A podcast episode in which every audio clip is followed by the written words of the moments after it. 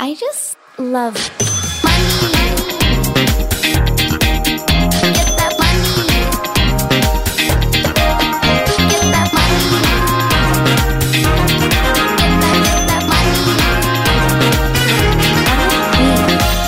Mandag og velkommen til en ny episode av Karrierekvinner podcast. Jeg håper dere har eh, hatt en fantastisk fin uke i finværet. Det har vi i hvert fall hatt her på Østlandet. Jeg har kosa meg på hytta. Jeg vet dagens gjest har kosa seg masse også.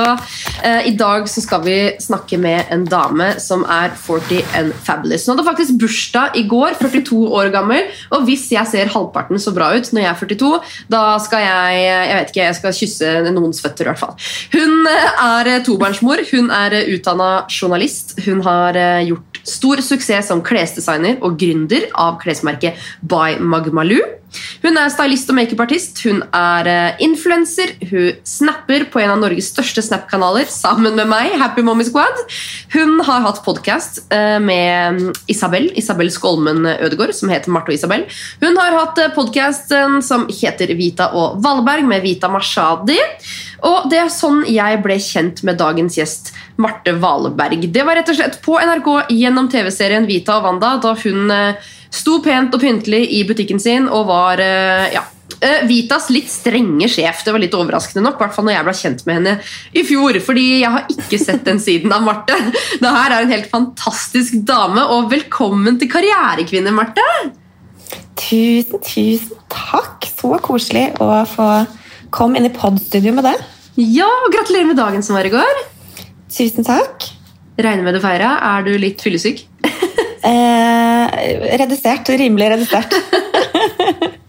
altså, det har jo vært, altså, det er jo, I Oslo så er det jo veldig eh, ganske strenge covid-regler, for å si det sånn. Så faktisk inntil tirsdag forrige uke så trodde jeg at man kunne være ti stykker samla i hagen.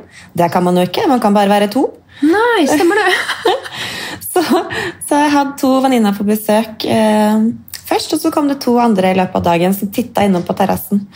Så jeg tror vi var sånn passe innafor. Ja, det er mye å ta hensyn til i disse dager, men det så ut som at du opprettholdt reglene, og når man er ute, så er det vel kanskje litt mer jeg vet ikke, litt mer innafor. For meg. meg. Det er umulig det er- å vite. Jeg er så lei de tidene. Jeg syns, ja, jeg synes det er veldig rart. Den der, altså, man kan være ti stykker på offentlig område, men i sin egen hage så får man ikke det. Det er bare sånn. Altså, er det ikke bare å overholde smittevernreglene, og så er, er we fine, liksom? Vet du Det er helt umulig å forholde seg til. Jeg så jo de nye, nye holdt jeg på å si, vilkåra.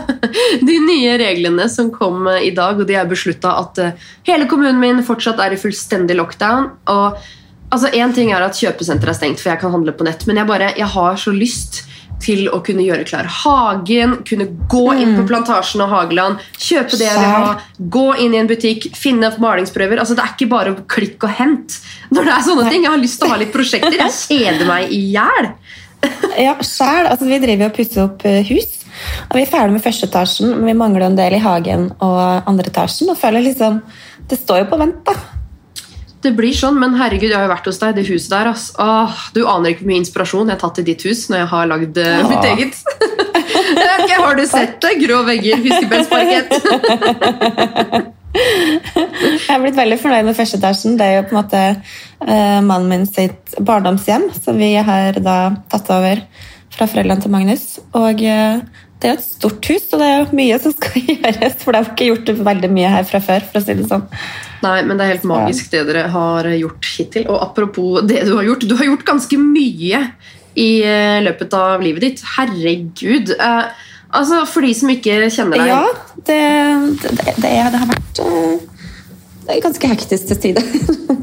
Ja, men altså, Du er i hvert fall en kreativ person, men jeg lærte jo nytt, eh, noe nytt i dag, og det er at du er utdanna journalist. Men det er liksom ikke det jeg forbinder deg med i det hele tatt. Jeg forbinder deg med en sånn superkreativ person som bare har tusen baller i lufta og kanskje ikke helt vet hva man syns er morsomst. Og, altså, hvem er Marte Valberg? vet du det selv i en alder av 42? spørsmål. Jeg, jeg må jo stadig på en måte, i hvert fall siste året, så har jeg jo stilt meg egentlig litt det, det spørsmålet, fordi um, hva skal jeg si, altså, jeg har jo aldri kalt meg journalist. Jeg har tatt eh, eh, jeg har eh, medievitenskap grunnfag, og så har jeg to år på, på journalistlinja på MI. Så det var liksom på en måte det jeg tenkte jeg skulle bli. Inntil eh, jeg fant ut Jeg jobber på estetikk ved siden av mens jeg studerte, og tenkte bare herregud, makeup er det gøyeste som fins i hele verden. Så jeg og Magnus, altså kjæresten min da, mannen min nå, eh, vi flytta til Hawaii. Og så gikk jeg på en hudpleie- og makeupskole der. Oi, det visste jeg Eh, heller ikke. og så, det her var i 2003 og 2004. Og så øh, jobba jeg da som stylist og makeupartist. Altså, den skolen var jeg egentlig ikke så fornøyd med. Jeg syntes den var ganske drittdårlig. Så jeg øh, googla meg fram til de beste makeupartistene og stylistene som bodde på Hawaii, og sa 'hello, I want to be your assistant'.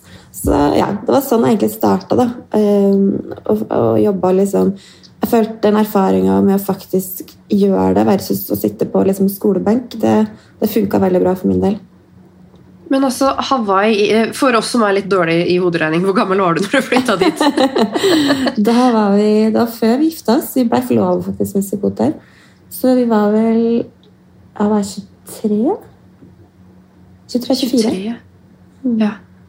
Herregud, så gøy. Men hva var planen med å dra til Hawaii? Altså, Dere dro jo ikke til Hawaii for at du skulle starte på den skolen, eller? Jo, basically. Hæ? Magnus tok et, eh, et utvekslingsår på, eh, på Comtec, eller kommunikasjonsteknologi. Eh, og, men grunnen til at det akkurat ble Hawaii, er fordi at eh, når jeg var 16, så bodde jeg og ene forloveren min, altså eh, bestevenninna mi, vi bodde hos en familie som bodde i California. Og de flytta til Hawaii på et eller annet tidspunkt, og de har jo vært og besøkt oss ofte. Og så var de til oss en jul, og så sa de bare sånn, og vi nevnte at vi hadde lyst til å liksom ta et, et reiseår. da. Og de bare 'Come to Hawaii!' Og vi bare 'Ok, let's go to Hawaii'. Oi, herregud, så deilig! Da bodde vi på beachen på Waikiki Beach i et år, og det var helt magisk. Åh, for et liv du har levd før du fikk barn. Jeg tenker, hm, Er det for seint for meg? Må jeg vente til jeg er pensjonist? Ja, nei, jeg fikk jo egentlig ikke altså, Vi sleit jo litt med å på en måte bli gravide, men vi bevisst hadde tenkt å på en måte eh, vente så lenge som mulig, hvis du skjønner, med barn. Fordi Ja, ja. vi var veldig opptatt av at vi, vi hadde lyst til å liksom leve Ha et levd liv før vi på en måte fikk barn. Mm. Så jeg fikk mitt første barn da jeg var 30. Ja, ikke sant? Men er ikke det ganske gjennomsnittlig? Jeg, altså, jeg har alltid tenkt at jeg skal være 30. Nå ble jeg 28, da. Eh, Gikk på en liten smell her. Da, da. Men eh, det er ikke så stor forskjell. Men altså, du har jo uansett rukket å gjøre veldig mye. Men altså, hvem, hva var det du ville bli når du ble stor? Når du var liten? Hvis du skjønner hva jeg mener. Lille Marte, hvem er det, hva er det du så for deg når du var liten? Da jeg var liten, så var jeg veldig, eh, veldig inspirert av pappa, som jobba som advokat. Mm. Eh, så jeg husker liksom at jeg sov jo med norske lover-boka på nattbordet og leste den på kvelden og sånn.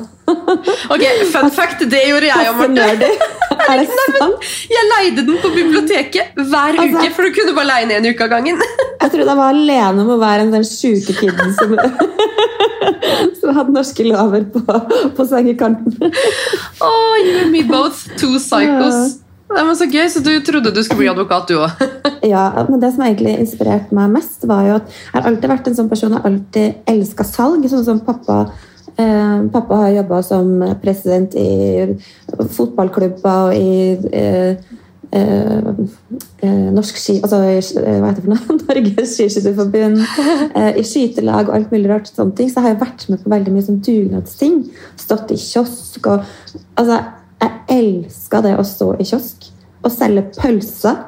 Og jeg ble helt sånn megagira av om en dude kjøpte to pølser istedenfor én. Liksom. Så jeg har alltid på en måte elska det salgs- og kundeforholdet. Mm. Så på et eller annet tidspunkt så skjønte jeg vel det at, eh, at eh, det er butikk jeg har lyst til å egentlig drive med. Hm. Etter å ha jobba som makeupartist og stylist i Norge da, eh, noen år etter jeg flytta hjem. Ja, hvor lenge, jo... hvor lenge bodde du i Hawaii? Et år. Ja, et år, ja, for det du sa. Og så okay. flytta vi tilbake til Trondheim. Og eh, jeg jobba vel ett eller to år der, og så gifta vi oss, og så flytta vi til Oslo. Ja, for det høres jo ikke sånn ut, men du er jo en litt sånn utvaska trønder. Ja, veldig utvaska. Altså, jeg er veldig dialekthore, så jeg bytter dialekt eh, eh, alt ettersom hvem jeg snakker med. basically. Det er deg og Morten Hegseth. ja, ja, faktisk. Jeg styla Morten Hegseth til, eh, til Love Island i fjor. Og det er jo litt komisk, for begge vi to er jo litt sånn dialektskada. Eh, Men når vi snakker sammen, så, så snakker vi begge to bare rein trønder. Ja, dere gjør det? Mm. Herregud. Og det er helt fjernt, for jeg tenker på Morten som det Morten jeg hører på og ser på på TV. liksom. Eh, og, så nå, og han gjør vel ja, så Det var veldig sånn komisk når vi da bare slår om helt til trønder. Ja, men det er litt gøy, for Jeg gikk faktisk tilbake igjen til 2016 og begynte å høre på Harm og Hegseth fra begynnelsen av, og da prater han trøndersk. Han gjør det.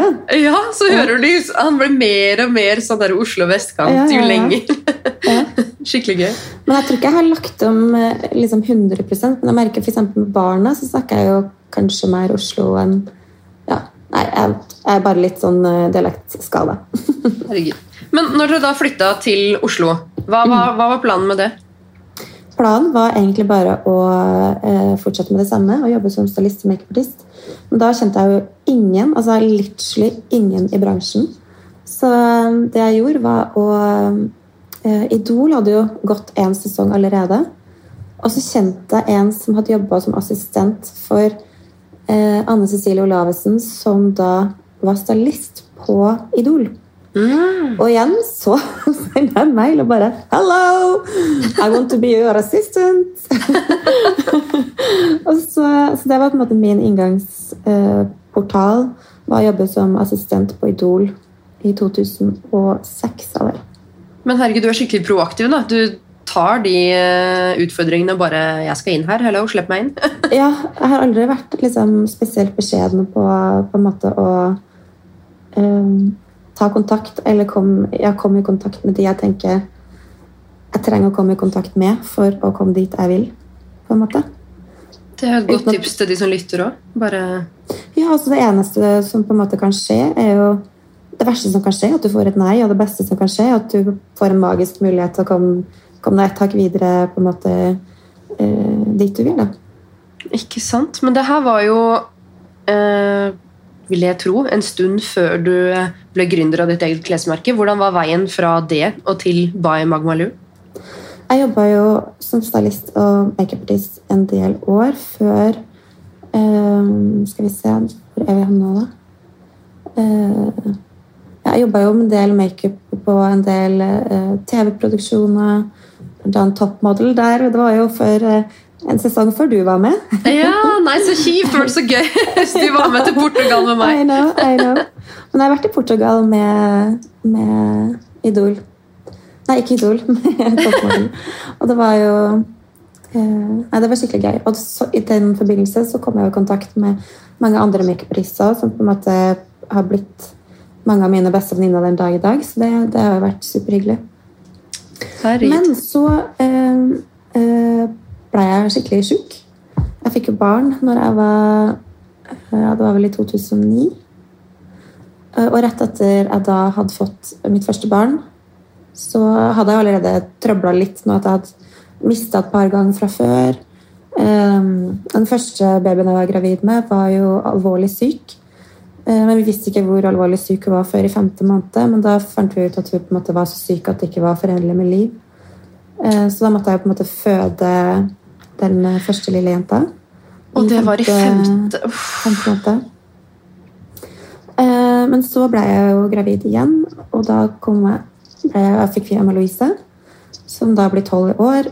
Og så eh, gikk det noen måneder, og jeg ble veldig dårlig. Det starta med at jeg mista liksom hukommelsen, eh, jeg mista ordforråd, og eh, fysisk ble jeg veldig dårlig og svak.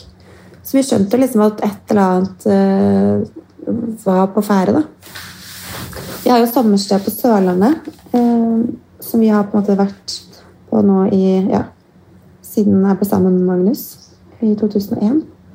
Men vi hadde liksom aldri på en måte eh, hørt så veldig mye om borreliose og flåttbitt og alt det der, så det tok litt tid før vi på en måte connecta at ok, kanskje er det det. Eh, men så ble jeg en kveld jeg ble så dårlig at jeg fikk et slags anfall. Eh, der jeg fikk Jeg hadde vel noe over 40 feber, og eh, jeg ble lam i ansiktet. Å, herregud. Eh, og da, Jeg husker egentlig ikke noe særlig av det, for jeg gikk jo på en måte bare inn og ut av bevissthet. Og ble kjørt ned på legevakta. Og da trodde de faktisk, eller de beskyldte meg for å ha tatt overdose med stoff. Eh, heldigvis hadde jeg med min svigermor, da, hun er jo på en måte professor i eller har doktorgrad i eh, smertelindring og kan jo på en måte faget sitt. Og hun bare måtte krangle for at jeg skulle få den hjelpa jeg trengte. Fordi bare sånn Martha har aldri prøvd dop, liksom. Så det her er jo noe mystisk som foregår. Jenta er.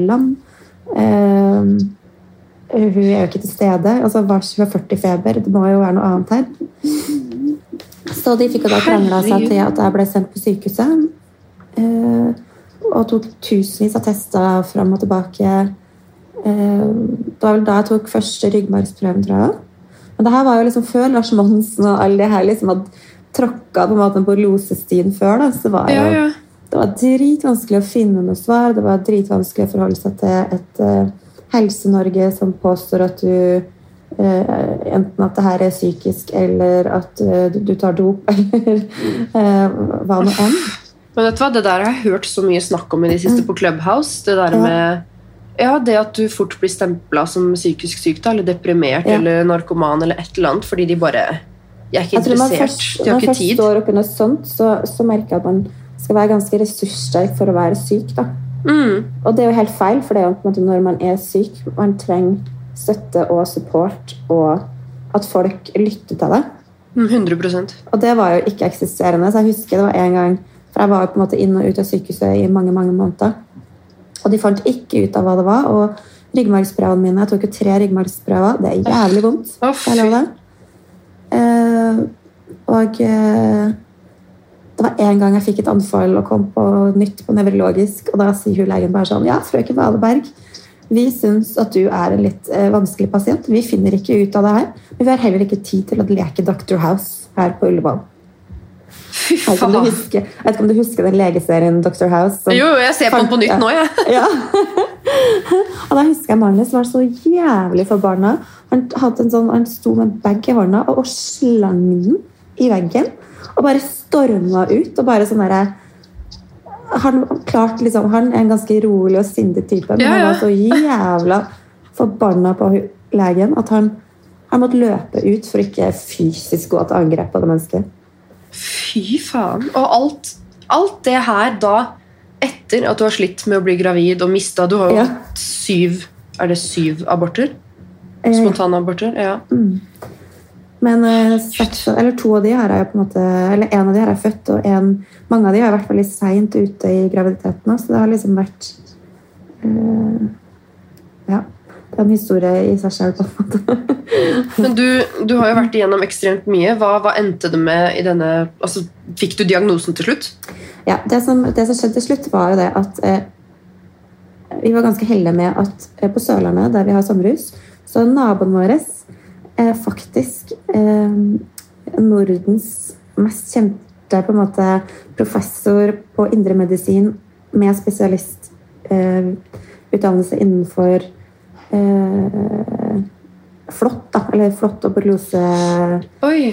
Eh, Så han sendt faktisk et brev til Ullevål og sa det at den dama her har obviously borreliose. Hun trenger medisin. Gi henne den medisinen. Hvis ikke, så får dere meg på nakken, liksom. og da ga, det, seg, da ga de meg medisin, og så ble jeg frisk på tre måneder. Herregud. Ja, ikke sant? Ressurssterk. Du skal ha de riktige kontaktene. Altså. ja. Og faktisk, jeg må bare fortelle én ting. For det, det er mange ting som kanskje folk ikke vet om borreliose, men det er den mest sykdomsimiterende bakterien som finnes. Så folk kan jo få veldig mye forskjellige symptomer rundt det. Og blant annet så fikk jeg jo eh, Jeg hadde alle lammelsene i ansiktet og, og språkforvirring og så i det hele tatt. Men det var en gang jeg husker på jeg og Magnus sto i butikken eh, på Storo, matbutikken, og så bare ser Magnus meg, og så bare sånn Wow! Ok. Nå eh, tenker jeg at vi bare rygger forsiktig ut av butikken, ikke ser på folk. Eh, og eh, først, eh, mest viktig, eh, ikke se på deg sjæl i speilet når du setter deg i bilen. Hva skjer nå, liksom? Og så klarte jeg selvfølgelig ikke å ikke se det speilet. da. Og da hadde ene øyet mitt eh, Du vet det hvite, liksom? Ikke Ja. pupillen, men det hvite. Det hadde liksom blitt en sånn gooey, seig masse som eh, liksom hang over Liksom ut av øyeeplet. Det var helt jævlig. Så da, da endte vi på sykehuset igjen, men det var masse sånn rare, eh, masse rare Symptomer? eh, symptomer som bare var helt sånn hinsides. eh, ja. Det var verdt en Dr. House-episode, for å si det sånn. Fy fader, men da, da må jeg jo spørre deg, da. Som altså, Karrierekvinne-podkast, når du sto i det her da var du, Hadde du et enkeltpersonsforetak? Du var selvstendig næringsdrivende. Hva var det du Var det? Enkeltpersonsforetak. Ja. Altså, hva um, Hvordan var det med tanke på sykepenger? Hvilke forsikringer hadde du? Hvordan var det med Nav? Eller var det bare sånn ok, jeg fuck, jeg må lene meg på kjæresten min, liksom? Eh, faktisk, Det begynner å bli så lenge siden at jeg husker jo nesten ikke hvordan jeg gjorde det. Men jeg var jo obviously sykemeldt et år der jeg var veldig, veldig, veldig syk. Eh, og jeg syntes det var dritvanskelig og tøft, fordi altså, jeg er jo på en måte over gjennomsnittet eh, kreativ person som og har masse overs, vanligvis masse overskudd. Så det var dritvanskelig. Jeg, husker på, altså jeg ble jo ganske deprimert av det. Så jeg, husker det en gang jeg ikke klarte å løfte mitt eget vannglass engang. Og da, da tenkte jeg at nå er det så ille at uh, Jeg husker jeg ringte pappa og sa at jeg kanskje ikke hadde lyst til å leve lenger. Fordi jeg, jeg følte liksom ikke at uh, Jeg følte at jeg var liksom bare til belastning for folk rundt meg. på en måte. Mm. Men da fikk jeg jo streng beskjed om at jeg ikke fikk lov til å tenke i de banene der. Så, så ja, heldigvis hadde jeg veldig sånn sterke folk rundt meg som bare ikke lot meg få lov til å synke altfor dypt ned. Fy fader. Men når det er sagt, Du, så ble jeg har blitt veldig sterk av alt det du har opplevd. Men når jeg ble frisk, så var målet mitt det at uh, den dagen jeg ble frisk, så skal jeg starte butikk. Ja. Så det var veldig sånn god motivasjon da, å ha noe å se frem til. Visste du da hva slags butikk du skulle starte, eller var det bare sånn derre Jeg skal selge, jeg skal designe, jeg skal Altså. Eh, Ja, jeg visste at jeg ville drive med, med klær og makeup. Mm. Så um, jeg starta på en måte en butikk som også hadde eh, muligheten til å tilby eh, at folk kunne komme inn og sminke seg, og til litt sånn festlige anledninger. skulle jeg si. Mm. Så vi hadde noen år eh, inntil at jeg følte at det, det krever ganske mye eh, å klare å opprettholde det. Eh, både liksom ansattemessig og i det hele tatt. Så det var ikke så lønnsomt prosjekt, men det var et veldig gøy prosjekt. Men eh, når var det hele Magmaloo starta? Det starta i 2011. 3. mars. Da åpna vi. Du husker såpass, ja? Ja. Og, ok, men og grunnen var jo da at du selvfølgelig du elsker mote, du elsker styling, du elsker makeup. Du hadde lyst til å være selger, lyst til å være din egen Mm. sjef. Mm. men hvordan fungerer den, eh, si, den bransjen der, eller altså steg for steg? Hvordan, når du liksom bestemte deg for at ok, nå kjører vi på. Ta meg gjennom den, hele den prosessen med å Ja, bare alt, egentlig. Og så hadde jeg skulle gjort det i dag, så hadde jeg gjort det på en helt annen måte. Men det var litt annet å drive butikk back in the days enn det nå. obviously, fordi det er så mye som har skjedd både på sosiale medier og i det hele tatt. Og nettbutikk, ikke minst, som gjør at liksom, det er et helt annet tempo. Og, og jeg tror man skal være ganske mye mer forberedt enn det jeg var. Altså, jeg kunne jo ikke Excel engang. Kan fremdeles ikke Excel. eh, og, og jeg burde jo på en måte mange ting jeg burde ha vært eh, kunne og har vært flinkere i før jeg i det hele tatt hadde hoppa i det i dag. Sånn som, ja, sånn som jeg ser på det nå. Da. Men det var bare da, så var jeg, da, da så var jeg liksom bare fryktløs og tenkte bare sånn Ja, nå gunner vi på. Jeg åpner butikk, og så lærer vi underveis. Herregud, du er jo litt sånn som meg og Donna og alle Ja. i det nettverket. Jeg ser, jeg ser på deg og Donna nå, så kan jeg veldig kjenne meg igjen i liksom hvordan jeg var når jeg var 30. Da. Herregud, så gøy. Men hvis du skulle gjort det på nytt nå, hadde du kjørt på med fysisk butikk da? Eh, aldri. Nei. Hvorfor ikke? Altså, Nei, altså- sånn Bortsett fra covid. Nei, altså, jeg synes jo det var altså, Magmaloo var kjempegøy å drive i mange, mange, mange, mange år. Vi holdt på i hadde åtte år eller noe sånt. Ni år. Eh, det siste året syns jeg ikke var noe gøy. Eh, og da ble, da ble det mer slitsomt. Og da eh, altså Jeg hadde alltid en drøm om å måte, bygge opp en bedrift. Jeg var veldig fascinert av ansattekultur og liksom det å, å, å skape arbeidsplasser. Det har alltid vært en veldig stor motivasjon. Eh, mens etter så mange år så begynte jeg liksom å bli litt eh, Hva skal jeg si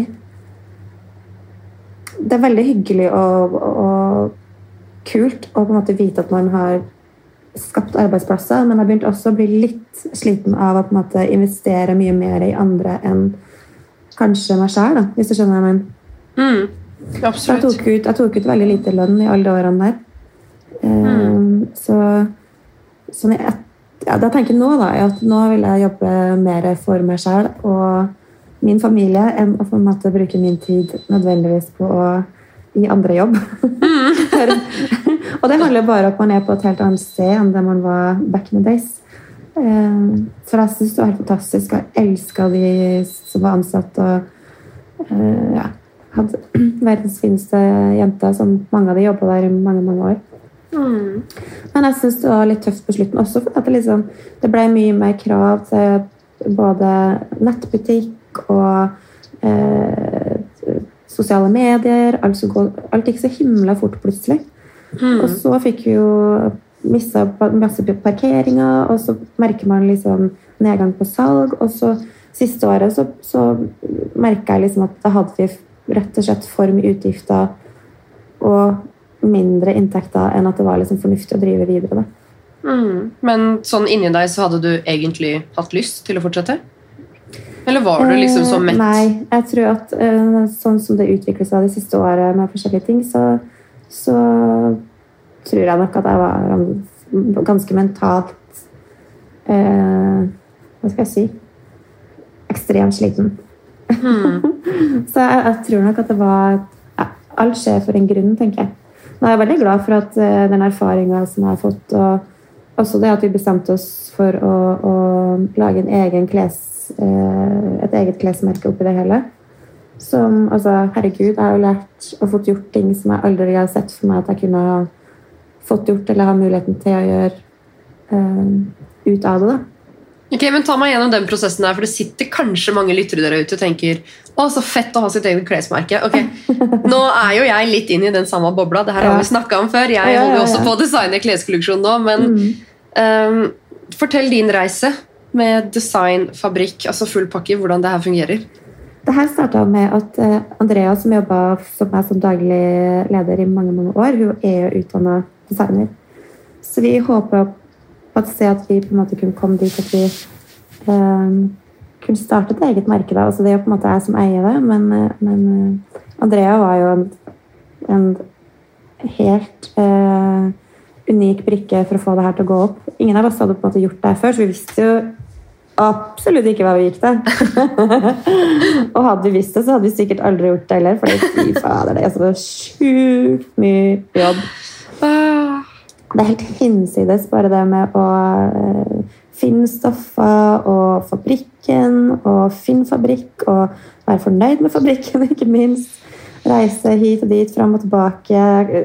Grisgrendte strøk på eh, Bo på grusomme hotell og i det hele tatt. Men fy søren så mye gøy vi har hatt det med det. Altså. Og det når du står der med ditt eget plagg som du liksom har jobba med eh, over lang, lang tid, da. mm. Eh, og kanskje skippa fram og tilbake til fabrikken tusen ganger, for du skal skifte knapp, og skal du to centimeter der, en Ja. centimeter der, eh, opp og ned og heises ja, ikke sant? Og da når du står der med et perfekt plagg som du er sykt fornøyd med, det er en helt magisk følelse. Det er noen ganger jeg bare tenker tenkt på å hadde det bare vært bedre å bare dra ned til fabrikken og være der en stund til det flagget er ferdig, og så dra hjem. Mm. Og det har, jo, det har jo vi jo gjort i perioder, faktisk. mm. Eh, når det er mulig, så er det jo absolutt det beste å være der over litt tid. Eh, sånn at man, det er mye mer effektivt enn å drive og sende fram og tilbake tusen ganger. For ikke å nevne prisene på samples. Ja. Eh, ikke sant? Og det var jo også en ting som ble litt vanskelig etter hvert. var jo Eh, at man starta på et prisnivå, ikke sant? men så plutselig så gikk jo krona ble jo så svak også. Så Mm. alt ble jo så sjukt mye dyrere, og marginene ble bare spist opp. Eh, så vi var jo kanskje litt uheldige på litt flere ting som på en måte begynte å gå i liksom vanskelig retning. da. Mm. Og jeg tenker hadde jeg vært 100 eh, klar for det, så, hadde jeg jo sikkert klart å komme over den bøygen der. Men det, eh, jeg syns det ble litt for, eh, litt for tøft og litt for mye jobbing til at Hadde jeg vært 30, så tror jeg nok at jeg hadde, da hadde jeg ikke lagt inn årene. Men som 40, da ja, jeg hadde ikke samme, hadde, hadde ikke samme giret lenger.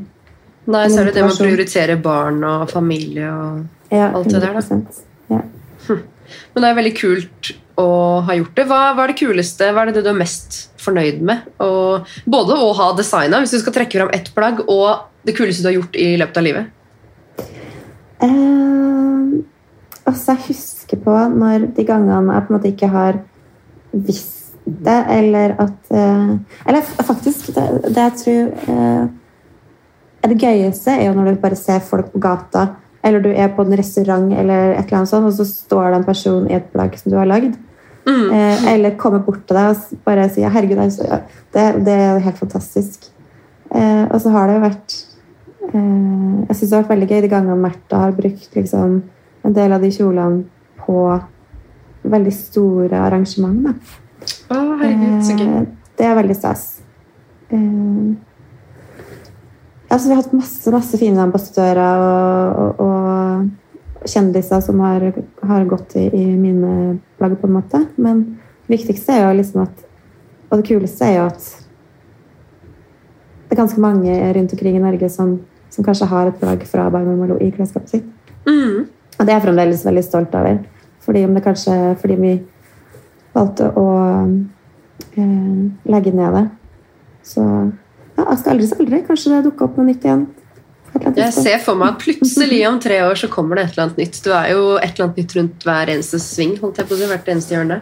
Men eh, har har, du, har du alle plagga i garderoben din sjøl? Eh, mange. Mange. Å, det, jeg bare gleder meg! Herregud, så gøy! Altså, jeg har tenkt at jeg kanskje må liksom beholde de fleste av de også, for det er liksom gøy til kids. Da tenker jeg at Mm, eh, ja. Absolutt, det må Men det som er litt rart nå, er at jeg skada meg. Altså, jeg har jo vanvittig uflaks med liksom helseting. Eh, Ja, du, har jo, du sitter jo der med sånn Kaptein Sabeltann-klo. holdt jeg på å si. Det hørtes så feil ut, akkurat som du har amputert. amputert. Klo. Nerveskade. Ja. Så nei, forrige, i fjor, da, altså rett før, to uker før eh, covid eh, hit shit, skal jeg si, så eh, var jeg ganske klønete og under en middag vi hadde hjemme på et knust vinglass hadde jeg glemt å kaste det eh, vinglasset. Den kuppelen på en måte Mm. løsna fra stetten, ikke sant? Og så levde jeg meg litt godt inn i et spørsmål på et spill vi spilte, og veiva liksom, tok opp hånda sånn, og så bare ha-ha, boom! Og så kjører jeg hele håndleddet eh, Eller setter den gjennom håndleddet. Åh, herregud! Altså, jeg blir, øh, jeg blir kvalm. Tok du Altså- liksom pulsårer og sener og alt, eller hvordan? Altså, å, fy! Ja, altså Jeg kjente med en gang at her var det noe som røyk. det her var ikke bra. så eh, Nei, det ble jo på en måte hasteoperasjon, og jeg røyk jo hele hovednerven i hånda. Høyre hånda. Så Ja, plutselig hadde jo mannen min eh, tre barn, fordi jeg måtte kle på meg og vaske håret mitt og greie meg sånn i tre måneder. Men det har jo gjort at, eh, det har gjort at jeg på en måte har vært sykemeldt også siste året. eh, under hele covid-perioden. Og det er så rart, fordi jeg verker liksom at jeg er så vant til å ha så høyt tempo. Mm. Så det er veldig rart å uh, ta livet helt med ro. Det skjønner jeg. Men herregud, hvordan, hvordan er det å være så kreativ og ha både holdt jeg på å si, skader både her og der, og du har jo PC-angst, rett og slett. Hvis det er en diagnose, så har jeg absolutt det. Nå vet jeg Man skal ikke le av angst, og sånn, men du, har jo, du er jo altså Du er jo litt sånn teknologisk 90-åring. Sånn, ikke på telefon, At- kanskje, at, men at teknologi liker jo ikke meg. Sånn at eh, hver gang, Det her er helt sjukt. Det er sånn der, altså Kassa når vi er på Magmalou, da, den kunne, når jeg kom inn i butikken, så ni av ti ganger så streika kassa. Det er akkurat som jeg bare har en sånn dårlig energi på sånn kassasystem og eh, mobil. alt. Ja, det er veldig rart når jeg jobber med eh, sosiale medier og Du bare viper kreativ det ut. Bare liksom kommer inn som en sånn magnet og bare wiper ut alle batterier. Ingen som gidder å samarbeide med deg. Men hvordan har det da vært opp igjennom? Og du sa jo da at du har hatt en daglig leder, men er det da ikke du som har tatt altså, det er ikke du som har tatt av regnskap og budsjettering og sånne ting? eller? Nei, jeg Nei. outsourca Vi hadde uh, ulike ansatte som hadde forskjellige oppgaver. Så Mhm. alt det jeg ikke var god på, det, og det var mye. Så da, da fikk vi inn bra folk som gjorde det istedenfor. Det er så lurt. Et skikkelig godt tips dere som lytter. Altså, Do what you do best and outsource the rest. Exactly. Om det er å ha vaskehjelp hjemme, om det er å ha regnskapsfører, om det er å ha en kokk altså, I don't know, men hva enn som gir deg hodebry, og som frarøver deg timer i hverdagen og frustrasjon, altså Finn noen andre, rett og slett. Det er et skikkelig godt tips. Men ok, så du er jo da i alt du har gjort, da, bare den derre kreative, sprudlende Jeg ser for meg liksom Marte bare sitter og koker over av ideer, og så Men hva Altså, hva har du av tips til andre gründere som kanskje sitter der ute nå? Og nå er det en stund siden du drev butikk og klesmerke og sånn, men hva er det du ville gjort annerledes nå, hvis du skulle tipse noen gründere som har lyst til å gjøre det samme? Eh, jeg ville ha tipsa dem om å sette seg godt inn og være veldig forberedt Mm. eh, på det man ønsker å gjøre. Og knowledge is power. Mm. tenker jeg. Og så akkurat det du snakka om i sted, å ikke være redd for, måte, for å outsource ting som, som du kanskje ikke behersker 100 selv. Det er helt greit, for det er ingen mestrer alt. Sånn, sånn er det bare. Mm. Eh, og heller eh, være litt uredd og, og, og nysgjerrig på muligheter istedenfor å tenke begrensninger. Tenk heller liksom alt som er mulig, og go for it, på en måte. Mm. Og ikke være, jeg tror kanskje veldig mange er redd, eller analysere altfor mye og gjør det veldig komplisert, når egentlig så er ting eh, potensielt veldig enkelt, da, hvis man bare tør å gønne på. Ja, Det der er så sant. Altså, et veldig godt eksempel er jo meg selv bare for et par år siden. Jeg har liksom aldri tenkt at eller jeg har alltid tenkt at jeg vil være min egen sjef, og at jeg sikkert kommer til å trives best som min egen sjef. Men bare det å liksom starte et enkeltpersonsforetak, starte et AS, bare det å tenke at ok, nå har jeg plutselig et organisasjonsnummer, nå følger skatteetaten med på meg, når det er regnskapsfører. Det er bare altså, total panikk av det. Jeg tror det er det som har gjort at det tok så lang tid for meg også. Men når man kommer inn i det, og man menger seg med de riktige folka som hjelper deg og lærer deg det du trenger å vite, inspirerer deg, motiverer deg Fy fader, så enkelt det er hvis du bare outsourcer de få tinga du ikke kan, men så enkelt det faktisk er da, når man kommer inn i det.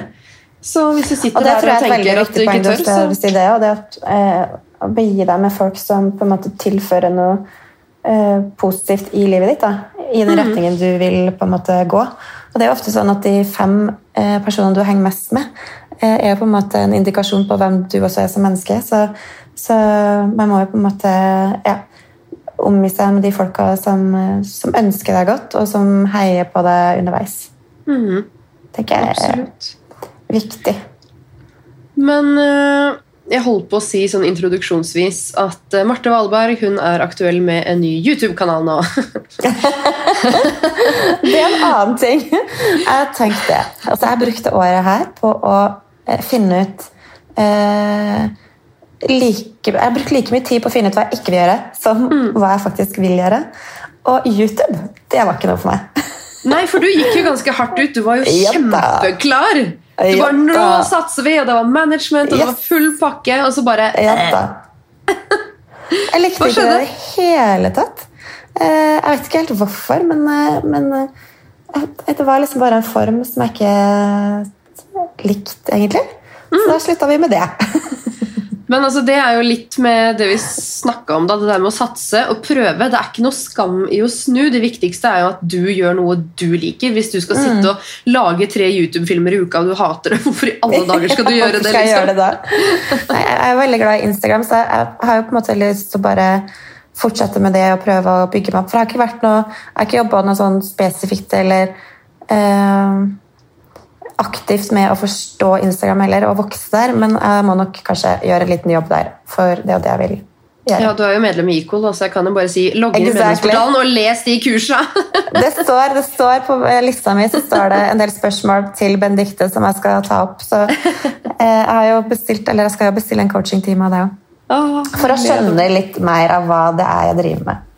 Ja, nei, men det, det er lurt, og det forandrer seg jo hele tiden. På lik linje som du var igjennom det her med nettbutikk, og plutselig kom sosiale medier og full pakke, og du liksom henger litt bakpå. Sånn er det jo med sosiale medier også. Ja. Det kommer jo noen nye algoritmer, det kommer nye funksjoner, det kommer noe nytt hele tiden. Og ja, bare det å menge seg kanskje med folk som eh, Altså Det er også et godt tips.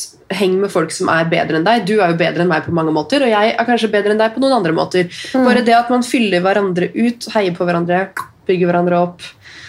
Åh, det er så gull, ass. Det er kjempe, kjempe, kjempegull. Men uh, føler du litt på det at du nå liksom er 42 og ikke er helt sikker på ja, veien videre, da? på en måte?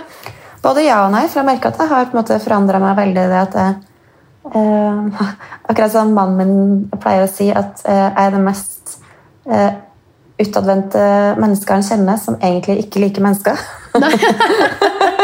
og det stemmer jo på en måte, fordi jeg er ikke noe glad i store folkemengder. Jeg er veldig glad i folk, men jeg er ikke noe glad i store folkemengder. og liksom, Det er det verste jeg vet, egentlig. Um, så jeg har egentlig satt pris på å liksom, ha et sånn rolig år hjemme. Og blitt litt sånn gammel eh, housewife på Tåsen, liksom. Ja, men så Og bare finne litt sånn roa og faktisk gleden av å kunne være happy i sitt eget selskap. også. At jeg ikke nødvendigvis må henge med tusen folk hele tiden og ha tusen prosjekt og i det hele tatt. Um, Men jeg begynner å bli litt utålmodig i forhold til at jeg gleder meg til å kunne jobbe med noe konkrete prosjekt igjen. Så jeg har jo eh, Jeg driver jo med et slags Unnskyld. Jeg driver med et nettbutikkprosjekt. Blant annet. Ok. Som, eh, Jeg bare som, ok, eh, hva skjer? Så det blir jo det blir gøy. For jeg elsker fremdeles salg og eh, kundekontakt. Eh, Så konseptet mitt går jo rett og slett ut på å ha en nettside der jeg selger ting og produkter som jeg elsker sjøl. Så det ikke, jeg går ikke sånn bredt ut og tenker på absolutt det her passer til den og den personen. Nei, det er rett og slett ting jeg elsker sjøl.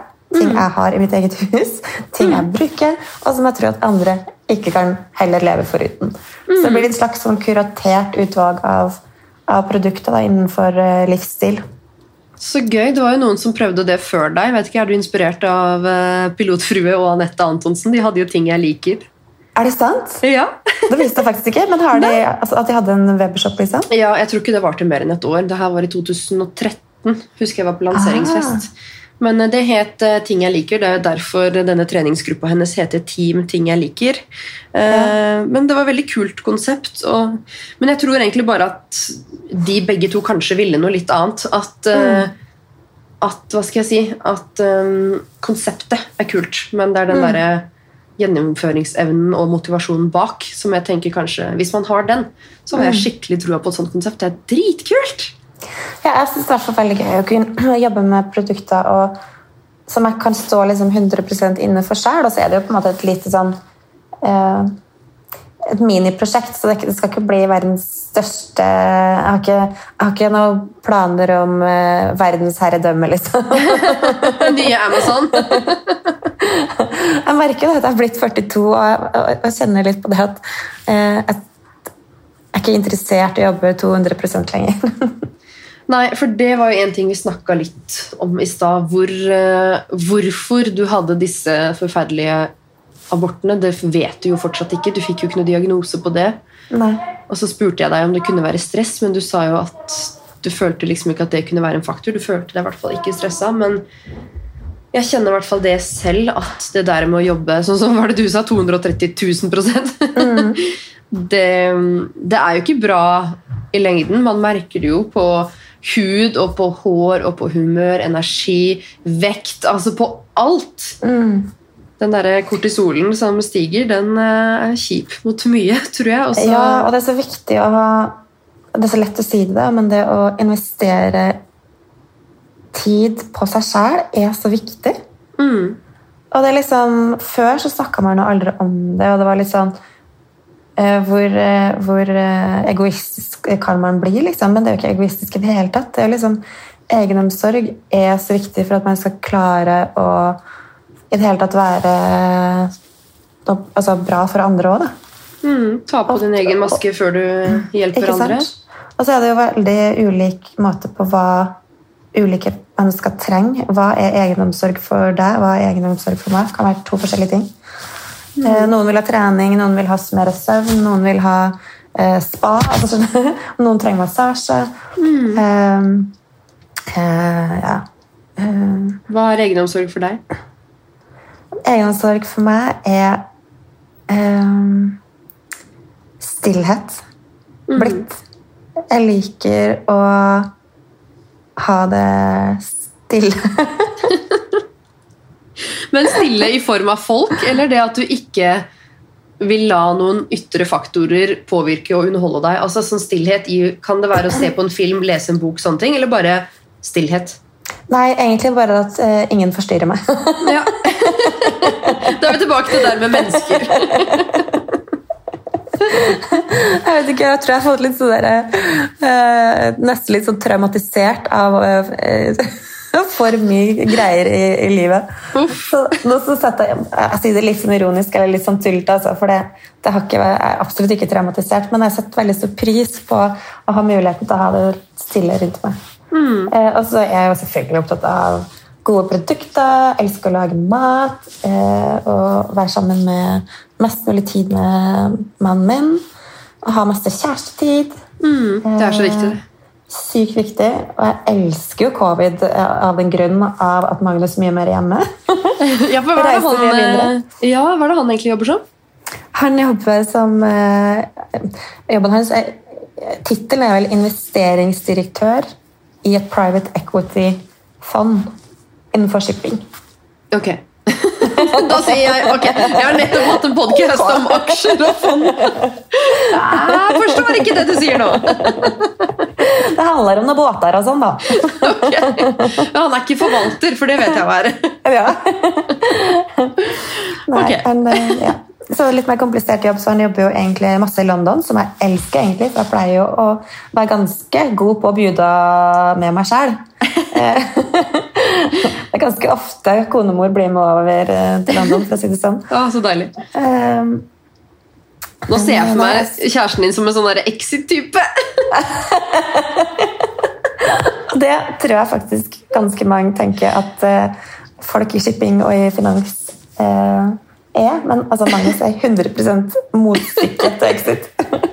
Han er liksom den, den ene hvite sauen blant den svarte saueflokken. Den søte Magnus. Jeg tror, altså, jeg tror finansmiljøet er ganske mer ny, eller nyansert enn eh, bare Exit. Ja, jeg husker på jeg møtte uh, Tobias Santelmann på en fest en gang. Jeg lurer på om det var bursdagen til Isabel eller mannen hennes Christian Skolmen. Da, det var jo rett etter uh, den første episoden hadde gått med eh, den, den penisen. Og, Ja. fikk jeg, og det var før måte, den offent- at han hadde gått offentlig ut med en his, altså, historien om at det her er jo en sånn løs penis som på en måte blir sendt rundt på alt mulig som filmsett der man trenger en penis. Så det fins en dude som eier den penisen, som driver og farter land og strand rundt på forskjellige filmsett med den penisen. Som Tobias på.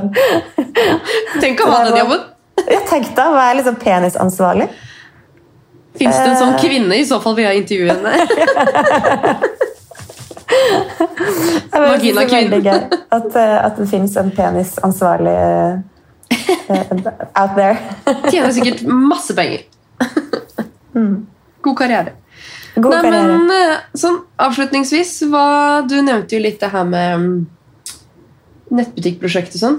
Eh, Hvor går veien videre? Hva er planen hvis det blir et nytt år med ah, covid?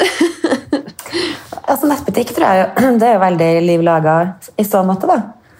Eh, og jeg driver jo faktisk eh, og gjør det litt omvendt enn det jeg har gjort før. For før så har jeg på en måte alltid bare stupt inn i ting og lært eh, mens veien blir til. Mens nå så tar jeg litt annen approach. Nå tar jeg jo da faktisk nettbutikkurset som Donna har, Ja. din kollega. eh, Sånn at jeg faktisk liksom eh, er mest mulig forberedt, da. Og ikke på en måte eh, gjør som vanlig at jeg bare stuper med huet rett inn og bare facer en million problem som jeg kunne vært unngått hvis jeg hadde, hvis jeg hadde gjort litt mer på en måte research og forberedelser først. Ja, forberedelse, hva er det? Ja. Det er så gøy. Vi har en sånn greie i eh, Equal at vi liksom vi lanserer ting før vi nesten vet hva det er, for da får vi liksom dårlig tid. ja, ikke sant? Og da, Det blir jo som regel dritbra, så jeg er litt sånn der stupe med hodet først-type. Men eh, det er kanskje Ja, for fordi jeg jeg ikke har gått på veggen ennå. Det er nok litt viktig å ha en litt sånn balanse der, for eh, jeg tror det er veldig bra eh, å, ha liksom, eh, å være litt uredd og på en måte ikke analysere eller tenke i absolutt alt og være verdensmester før du på en måte hopper i det. Men at man eh, ja, både tør å gutse litt, men ja, litt forberedelsesskader har vel alle skada noen. Ja, og så kanskje litt selvinnsikt og respekt for Ja. hvor mye det krever. ja, det er akkurat det. Det kan jo være noe. Så, nei, Vi har jo sett veldig mange av medlemmene våre som har hoppa ut og starta bedrifter i løpet av 2020. Og så har vi sett noen få som har funnet ut hvor mye som faktisk ligger bak da, det å være Ja. selvstendig næringsdrivende. Som kanskje har funnet ut at uh, de finner på noe annet isteden. Og det er helt lov. Men prøv. Ikke holdt jeg på å si, vokse opp, ikke kom på gamlehjem og tenk at fader, jeg skulle heller gjort det enn å jobbe for han der gretne gubben. liksom. Det, Det er akkurat det. Have no regrets. Nemlig. Og der eh, er du et godt forbilde. Skikkelig. Ja, du har gjort mye kult. Det har jo endret seg litt. Da. Jeg savner jo faktisk jeg savner, Når jeg sitter og snakker med deg her nå, så merker jeg at jeg savner liksom litt den podkast-greia.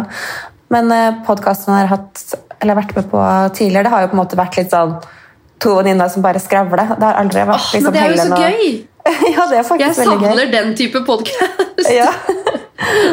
men, det, men på et eller annet tidspunkt så blir man litt sånn derre Ok, er det egentlig så interessant for andre å sitte og høre på to venninner som skravler, liksom? Men, men det er interessant så lenge man klarer å ha en del tema og eh, ja, Jeg tror vi hadde sånn typ over 100 episoder i hvert fall til slutt. Um, Sykt gøy. så jeg elsker sånne ja, podder. det, det, det er veldig gøy.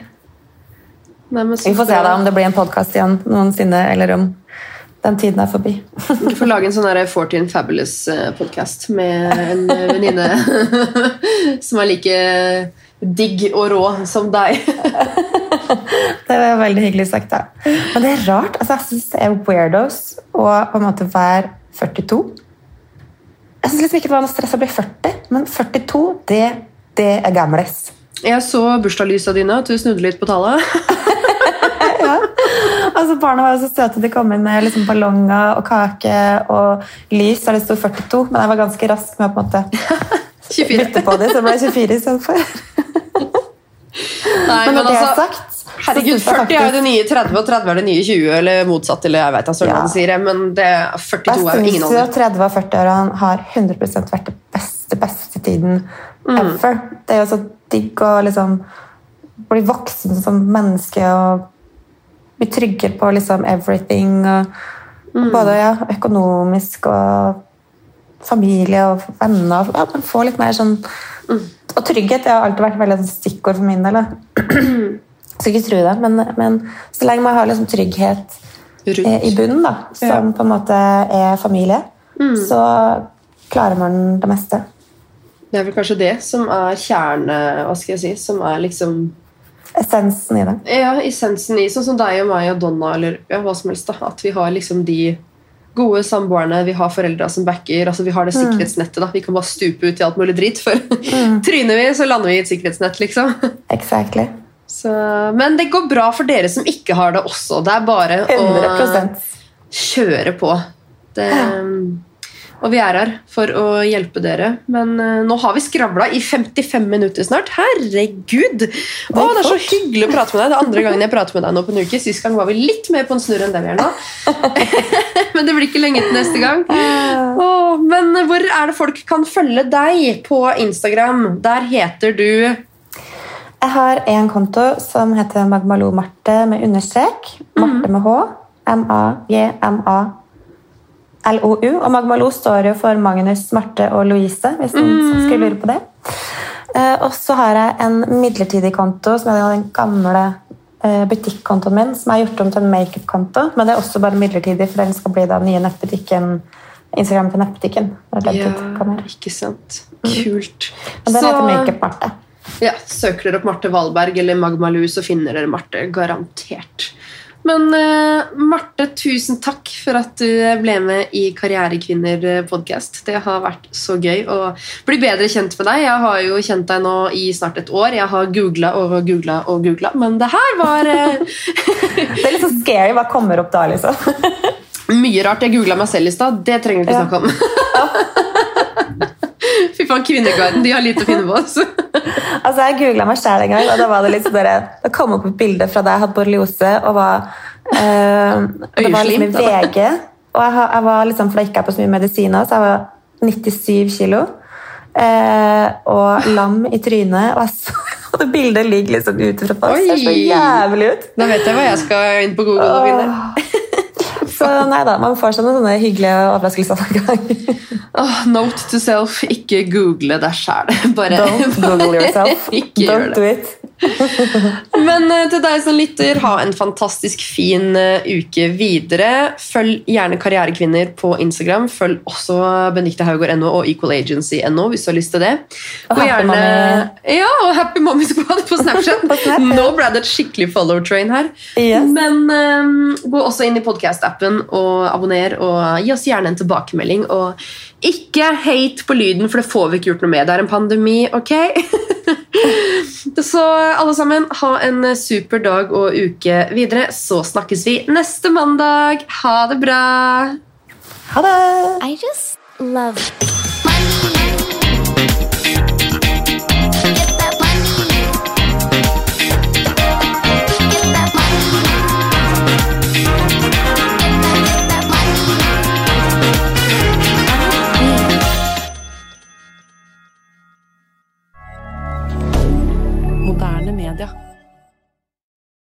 Har du et enkeltpersonforetak eller en liten bedrift? Da er du sikkert lei av å høre meg snakke om hvor enkelt det er med kvitteringer og bilag i fiken, så vi eh, gir oss her, vi.